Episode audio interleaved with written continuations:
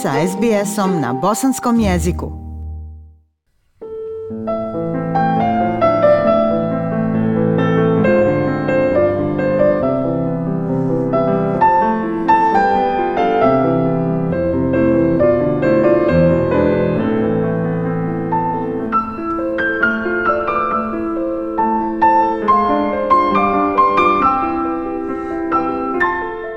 Moja Australija je posebna serija SBS-a koja istražuje neispričane priče izuzetnih ljudi u Australiji. Danas vam predstavljamo priču iračke migrantkinje Sebihe koja pripada jezickom narodu i koja je uprkos urođenoj gluhoći uspjela da napravi nešto čudesno u Australiji.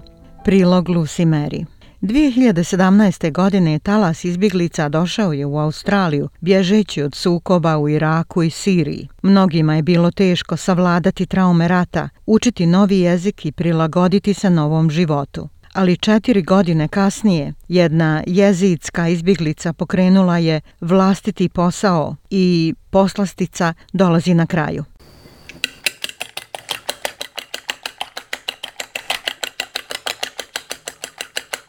Kuhanje pokreće sva čula, ali na ovim časovima kuhanja čula vida, mirisa i okusa su najvažnija. Sabiha Hamid Abdo, koja je potpuno gluha, predaje kuhanje u priobalnom gradiću Coffs Harbor u Novom Južnom Velsu. Sabiha komunicira putem znakovnog, takozvanog Auslan jezika, pa je za novinarku SBS-a koristila glasovni prijevod da ispriča svoju priču.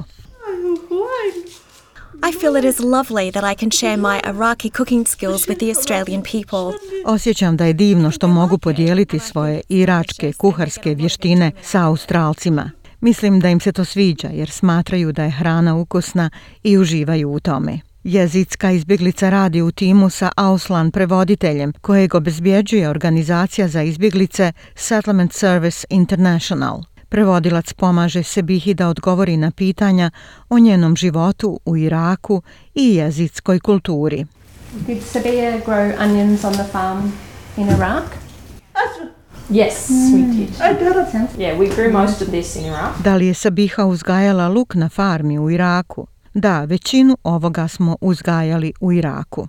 Kuhanje se podučava praktično uz primjere, a časovi su čisto uživanje s njenim učenicima. Ako imate pitanje, lupite o sto, ali nije to prijatno kuckanje, već glasan prasak, jer su vibracije ono što privlači pažnju nastavnika. U početku se čini nepristojnim, ali sve je to dio iskustva učenja kuhanja u Sebihinoj kuhinji. Been wonderful. She's got such a good temperament and very patient and yeah, and very good at what she does. Learning perhaps not to ask questions when Sabia's got her hands full because she can't actually respond. Bilo je divno imati tako dobar temperament. Veoma je strpljiva i veoma dobra u onome što radi. Naučiti možda, ali ne možete postavljati pitanja kada Sabiha ima pune ruke posla jer zapravo ne može odgovoriti. Ovo je čas iračke kulture i svijesti o gluhim osobama umotan u jednu dolmu. Jelo od listova vinove loze punjeno rižom i drugim sastojcima, koje je jako popularno na Bliskom istoku.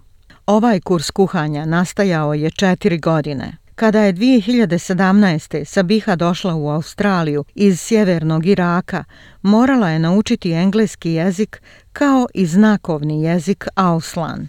Učenje dva jezika bilo je teško, ali otvorilo svijet mogućnosti. U Iraku Sabiha nije smjela ići u školu. Umjesto toga provodila je dane kuhajući za svoju mlađu braću i sestre koristeći recepte koje je naučila od svoje majke.